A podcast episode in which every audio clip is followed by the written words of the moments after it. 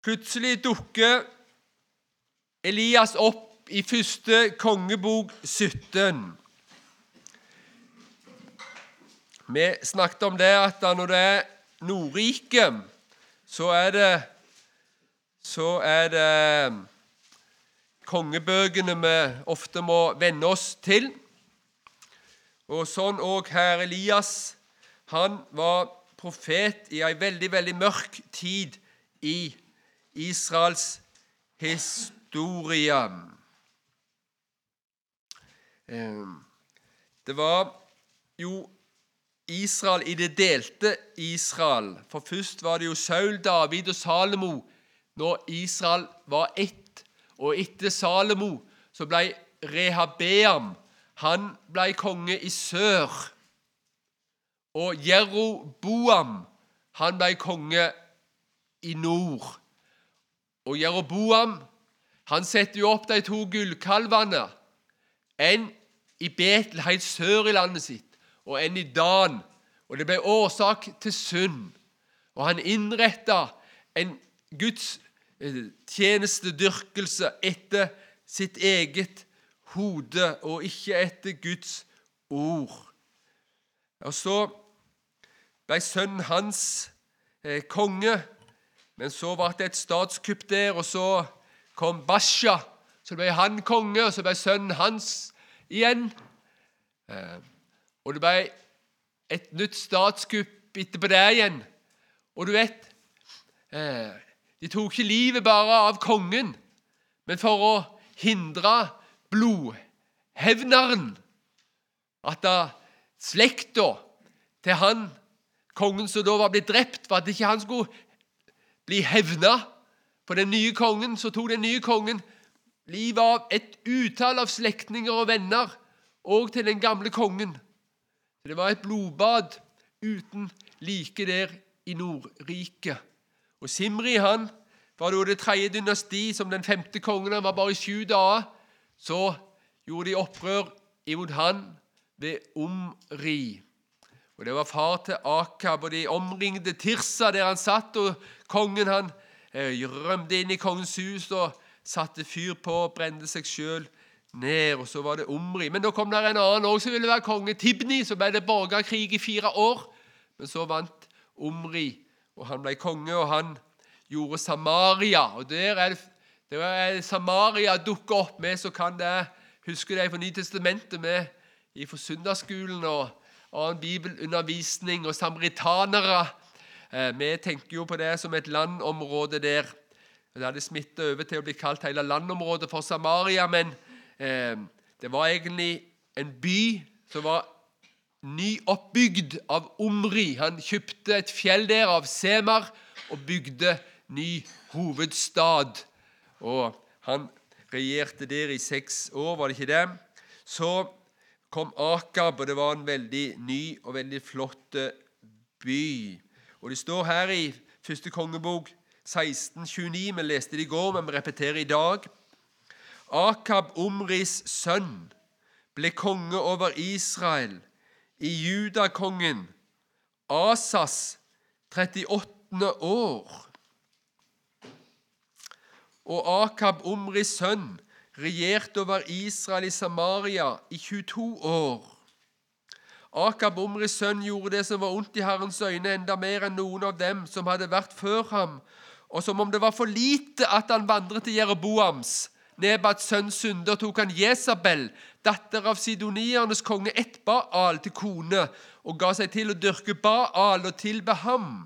Han reiste et alter for Baal i det Baal-tempelet han hadde bygd i Samaria. Akab laget også et startebilde. Han gjorde enda mer for å vekke Herrens, Israels Guds harme. Han bar seg verre ad enn noen av dem som hadde vært konger i Israel før ham. I hans dager bygde Hil fra Betel opp i en Jeriko. Da han la grunnvollen til byen, kostet det ham hans førstefødte sønn Abiram, og da han satte opp portene, kostet det ham hans yngste sønn Segub, slik som Herren hadde talt ved Josva, Nuns sønn.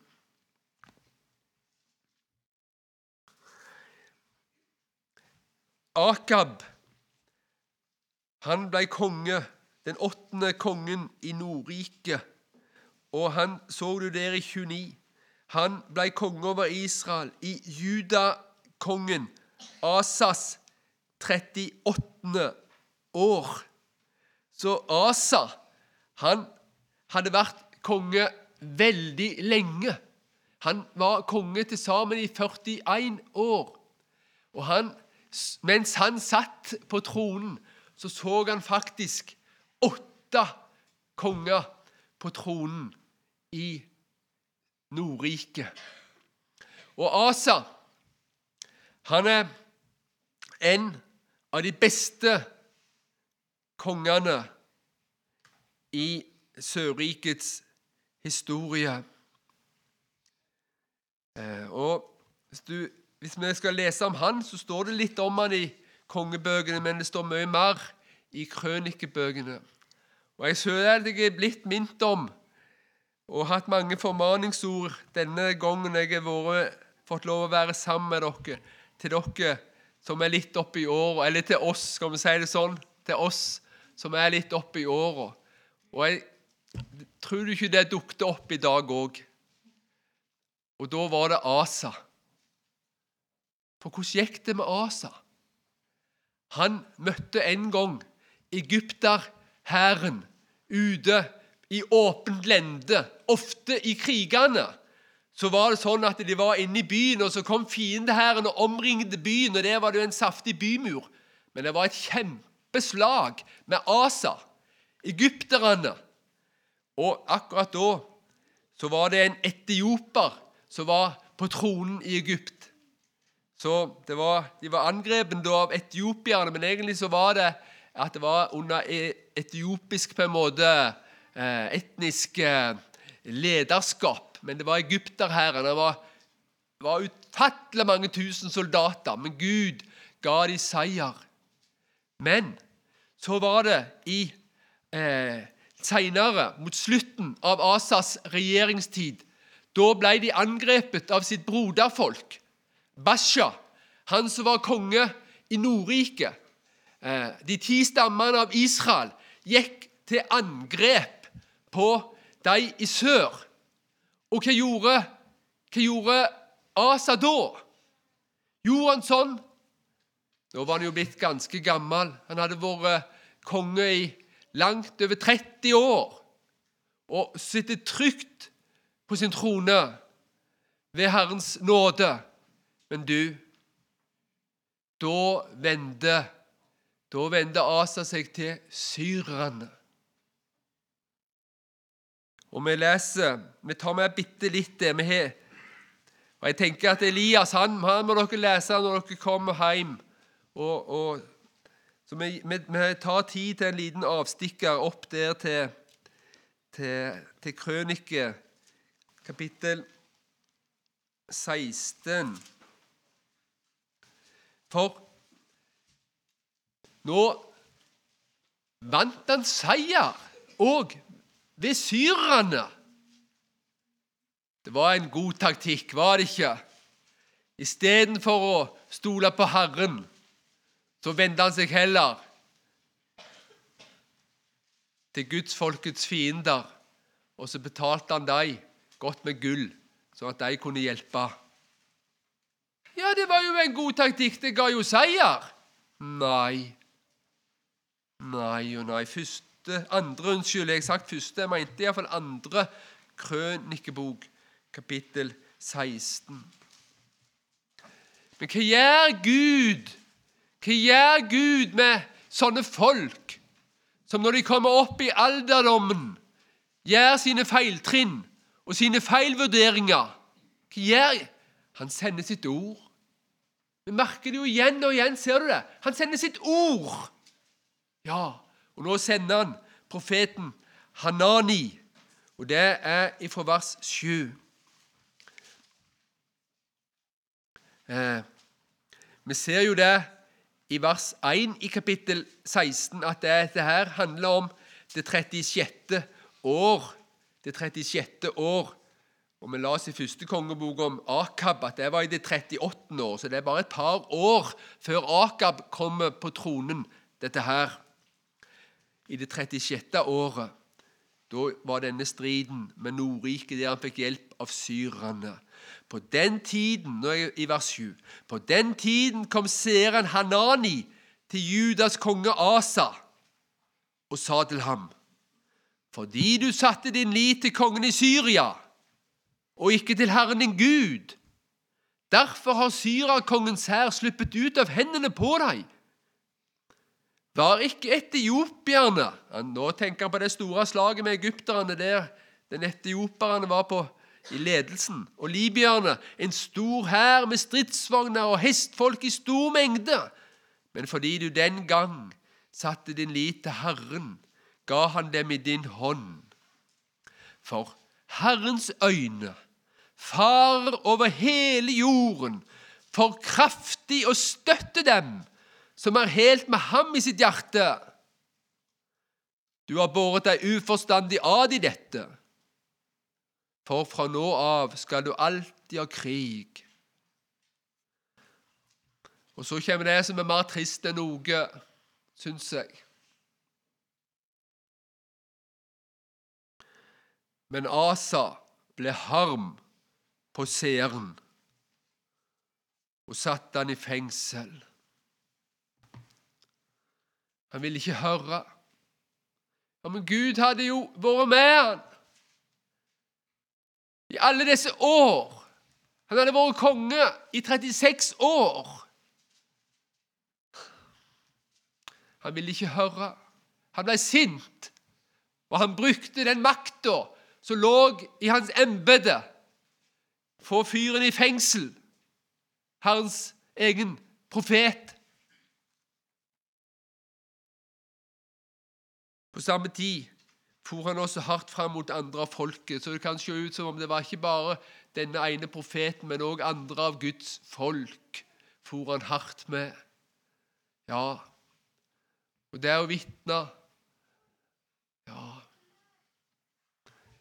Og jeg tenker på Timoteus. Timoteus, vær du edru i alle ting. Lid ondt. Gjør en evangelists gjerning. Fullfør din tjeneste. Akkurat som Hanani minner meg om Timoteus her. Ja, Men det er ikke hyggelig. Det er ikke hyggelig å gå og påtale fall og synd. Nei.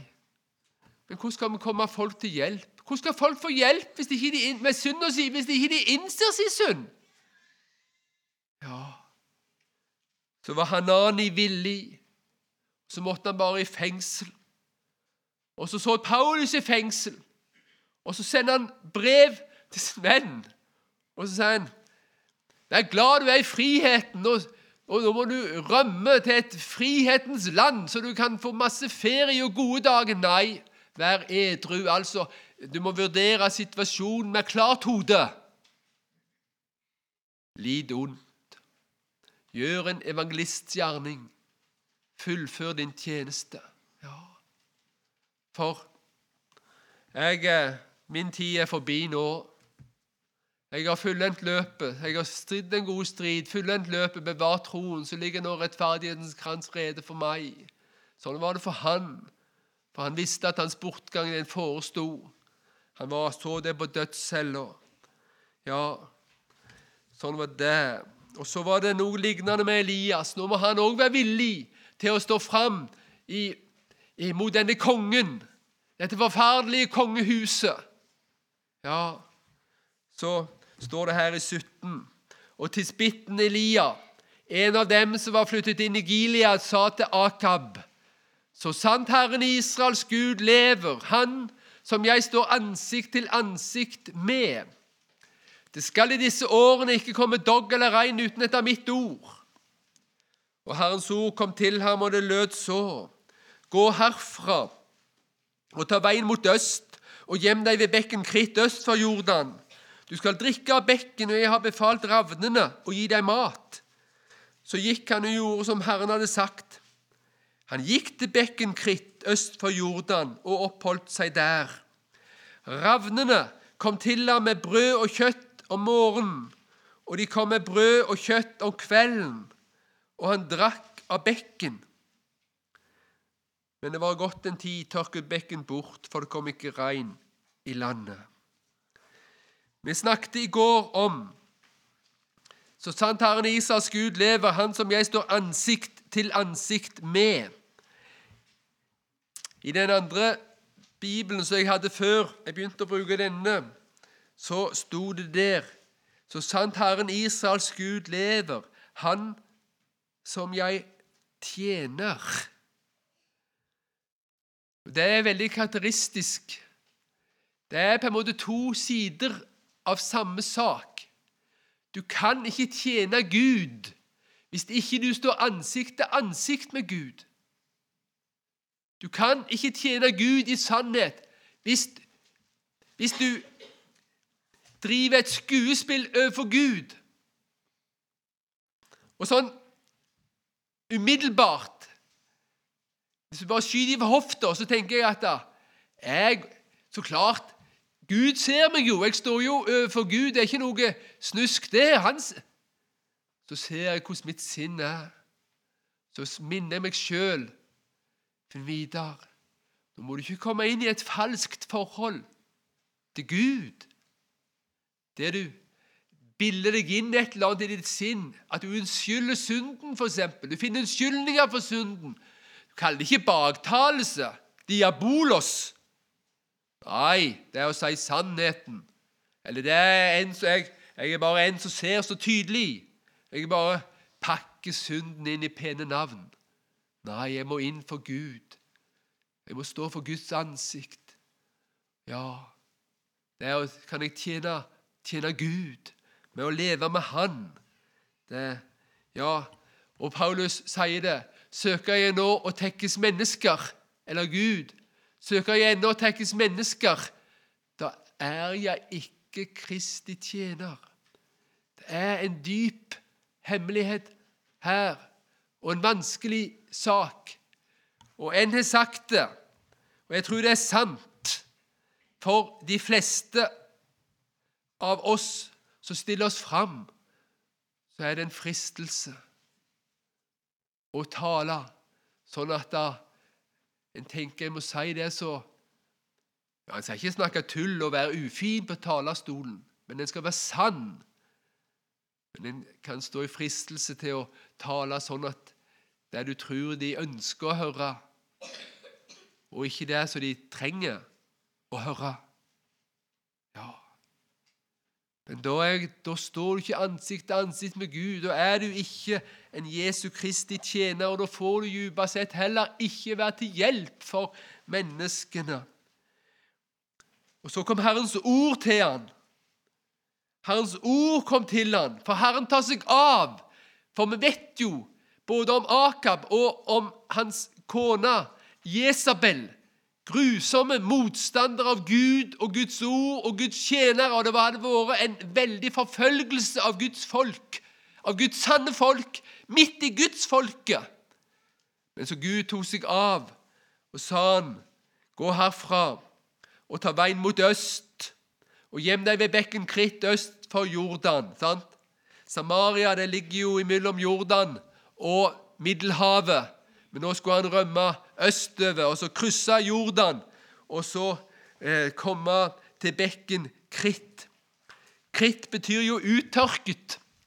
Så nå hadde, han hadde sagt eh, eh, på Herrens bud at uh, det skulle ikke komme dogg eller regn. Og så sier Gud nå skal du gå til bekken uttørket. Det var nok en bekk som ofte ble tørr i tørketidene. Du skal drikke bekken, og jeg har befalt ravnene å gi deg mat. Så er det fint å se om Elias. Da sa han vel Du vet vel at kritt betyr uttørket? Så det er ikke en lur plass, det, Gud. Ikke så lurt, det forslaget. Nei, han gikk på Guds ord. Og hvem er det som ikke har hørt om ravnene og stjele som en ravn? Det er ikke fugler som Ja, jeg har hørt det òg. Du lærer mye av andre. Lite klarer klarer suge av eget bryst. Men ravnene har blitt sammenlikt med måker eller må, Og du har sett måke hvis du har vært på fisketur på, på havet. Så er det ikke en måke å se. Men når du drar noen fisker opp i båten, så er det ikke lange tid, og så er de der. Ikke vet jeg hvordan de klarer å snu seg ut, at nå er det noe å få tak i.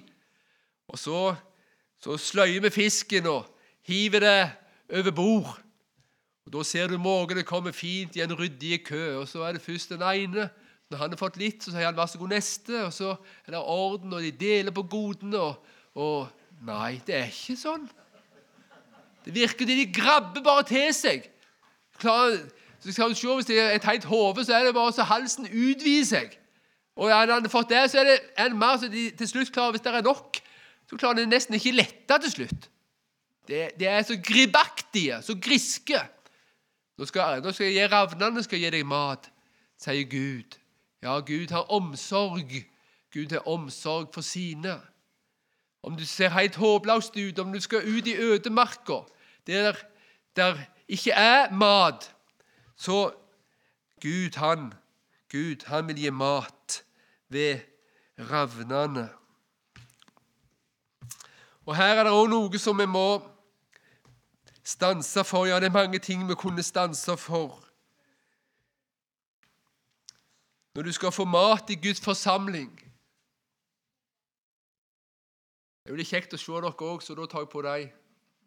Men det var en predikant som var på et møte på Sørlandet som jeg var på. Han sa han talte konsekvent uten briller. For Da kunne han ikke se hvordan forsamlingen reagerte. Så kunne han bare tale det som han trodde Gud hadde lagt på hans hjerte. Det var et poeng, det òg, men det er veldig kjekt å se ei, òg de du snakker til. Men eh, du må ikke bare ta Hvis du tenker at predikanten har sine unoter Eller hvis du tenker andre negative ting om predikanten, så er nok det ofte rett.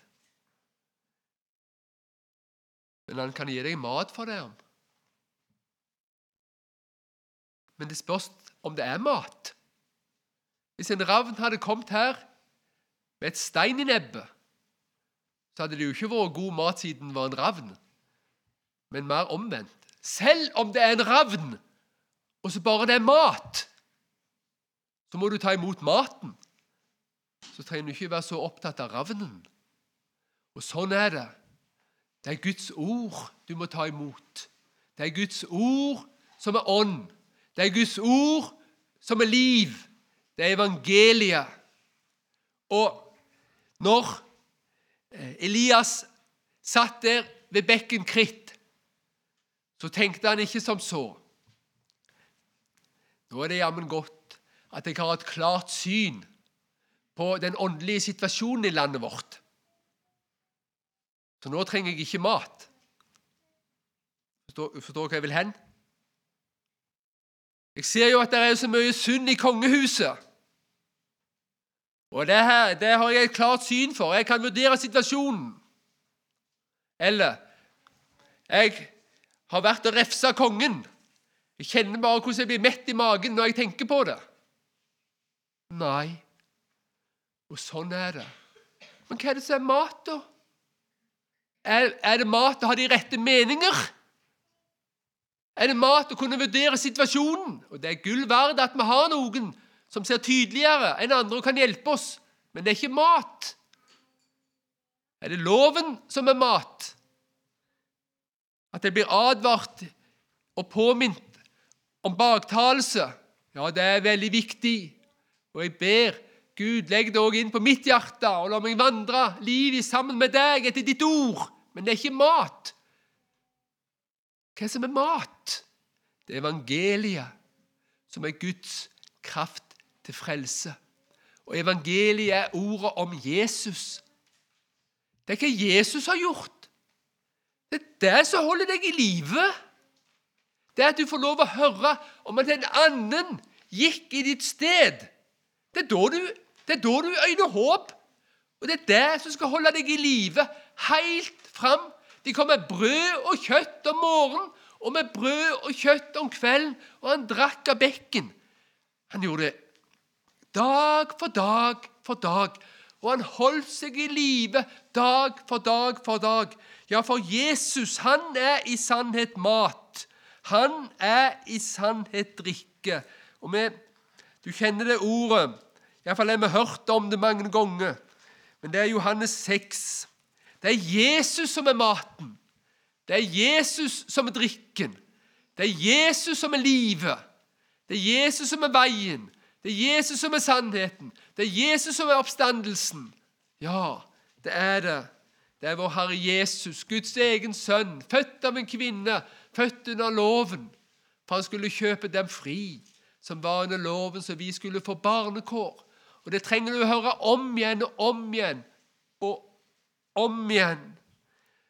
I vers 48 sier Jesus, 'Jeg er livets brød'. Elias, den store profeten, han måtte ha mat for å leve. Han måtte ha Jesus. Han hadde ikke liv i seg sjøl. Han hadde ikke liv i sin tjeneste. Han hadde ikke liv i sin lydighet. Nei, men han hadde livet i Jesus. Han hadde livet i den Herre Jesus. Deres fedre åt manna i ørkenen og døde. Dette er brødet som er kommet ned fra himmelen, for at en skal ete av det og ikke dø. Ser du det? Gud har gitt deg Jesus for at du skal spise han, motta han, la han bli ett med deg og få liv av han. Ja, dette er brød som er kommet ned fra himmelen for en skal ete av det og ikke dø. Jeg er det levende brød som er kommet ned fra himmelen. Om noen eter av dette brødet, skal han leve i evighet. Og det brød som jeg vil gi, er mitt kjød, som jeg vil gi for verdens liv. Så det er Golgata-verket. Jesu, Kristi Guds Sønns blod. Det renser for all synd. Han hang på korset for å gi liv til deg. Han måtte dø for at du skal få leve. Du har liv i Han. Ja, sånn er det. Med brød og kjøtt om morgenen. Og du som kjenner på det Det er så mye i mitt liv. Ja, men du får ha Jesus. Du får motta Jesus morgen, middag og kveld. Det er ikke bare en gang i uka eller trøste deg til Jesus. Nei, du får trøste deg til Jesus hele tida. Gud hadde befalt Gud hadde befalt ravnene å gi han mat. Så gikk han og gjorde som Herren hadde sagt. Han gikk til bekken Kritt øst for Jordan og oppholdt seg der. Ravnene kom til han med brød og kjøtt om morgenen og med brød og kjøtt om kvelden, og han drakk av bekken. Så var han der, så ventet han på Herrens ord videre og levde under Herrens velsignelse og av Herrens gode gaver. I Hebreerne 13 står det jo i dette ordet i 8 om at Jesus Kristus er i går og i dag den samme. Det er godt å tenke på òg opp imot Elias. Hebreerne 13, 8. Ja, Elias ja, han står for oss som en kjempe. Men hvis vi leser mer, så ser vi at han hadde sine dype nedturer og Ja, han var et menneske som oss. Men han fikk leve av Herrens nåde av Herrens mat, av himmelmannen. Og Jesus var hans mat. Og Jesus er i går og i dag den samme, ja, til evig tid. Han, han vil òg være din mat. Men vi tar med vers 9. La dere ikke føre på avveie ved mange slags forskjellige og fremmede lærdommer, for det er godt at hjertet blir styrket ved nåden, ikke ved mat som ikke har vært til noe nytte for dem som har gitt seg av med det. Det kom jammen ordet mat igjen. Det er tydelig her at nåden er mat. Det er godt at hjertet blir styrka ved nåden. Ja, det var så fint å få det ordet. Jeg snakket med en i telefonen i dag.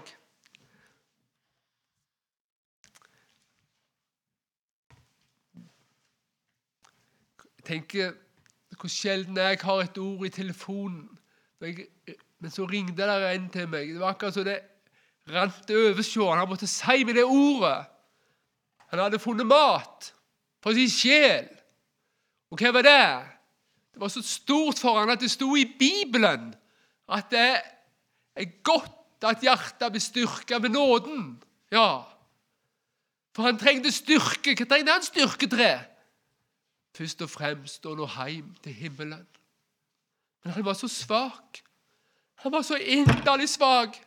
Hvordan skulle han bli bevart? Så fikk han et ord. Det handla om Jesus. Det handla om nåden. At Jesus døde for han, og så får han motta Jesus sin fortjeneste, helt gratis.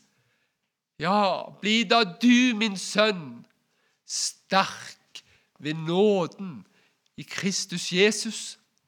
Ja, det er godt at hjertet blir styrka ved nåden. Og det er ingenting annet som kan styrke. Nei. Visst trenger vi loven. Det tror jeg dere har hørt i dag. Og Det å bli anfektende for meg. Har du bare loven å gi til disse vennene? Er det bare baktalelse og, og at nå må vi leve for Jesus? Ja, vi skal høre det òg. Men det er ikke noe kraft i det. Det er ikke det som bringer oss fram. Hva det er det da? Det er den himmelske maten. Det er evangeliet, som er Guds kraft til frelse. Ja, skal du nå fram, så er det ordet om Jesus. Det er Jesus alene. Det er det som han har gjort, det som han gjelder for, det som han har forsont da han tok alle dine synder på seg. Hver eneste baktalingssynd, den har han tatt på seg. Og så får det være din mat at han har ordna min sak og kjøpt meg en rettferdighet, så jeg kan stå for Gud.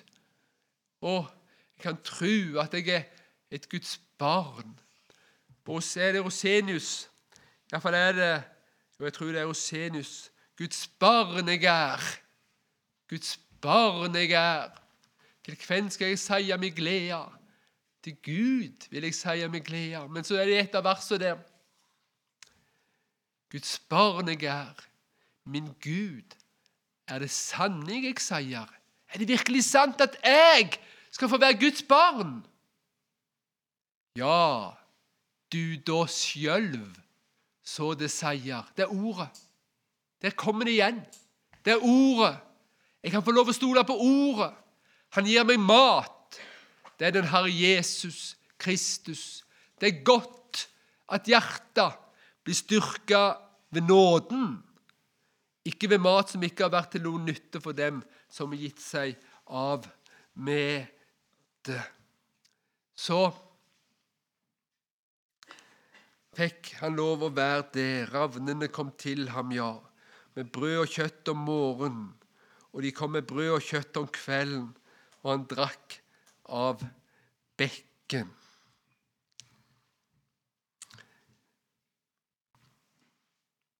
Ja, men så gikk det ei tid, så tørka bekken bort. Kanskje vi må spare enka Isarepta til i morgen. Men jeg vet ikke hvordan du tenker. Hvis to hvis to stykk skal møtes for å for å ha det godt og kunne overleve en veldig streng tørke. Men det er bare det at ingen av dem har mat. Ingen av dem har mat. Men de har, de har et ord. De har et løfte ifra Gud. Og så ble Elias han, Når bekken tørka bort, så ble han sendt til enken i Sarepta.